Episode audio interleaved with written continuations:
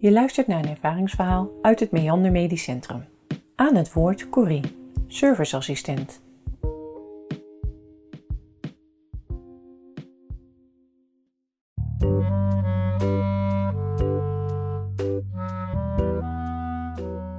Het was ongeveer zes jaar geleden, de Lichtenberg, afdeling chirurgie.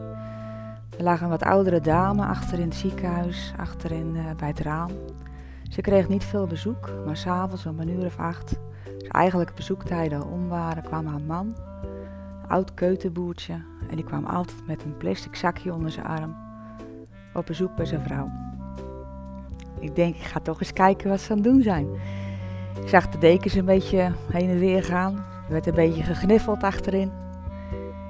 Ze hadden twee cupjes waar normaal de medicatie in zit. En uit het plastic zakje kwam een flesje. Vrienden beste wijn, zuster. Mag niet, hè? Ik zeg, ach, één, één borreltje mag dan wel. Een paar jaar later, Meander, zag ik haar weer liggen. Met diezelfde man erbij. Hij keek me aan. Hij herkende me. En een dag later kreeg ik van hem de zelf gebrouwde vliegenbesse wijn van de boerderij. En dat is zo mooi.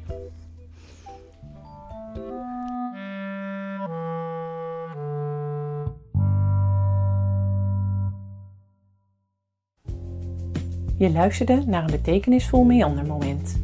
Een co-productie van Meander Medisch Centrum en Zorgdragers. Firma Reuring, Buitenzinnen, Sier en Nathan van der Veer. Benieuwd naar meer mooie verhalen? Kijk op zorgdragers.nl. De verhalen zijn auteursrechtelijk beschermd.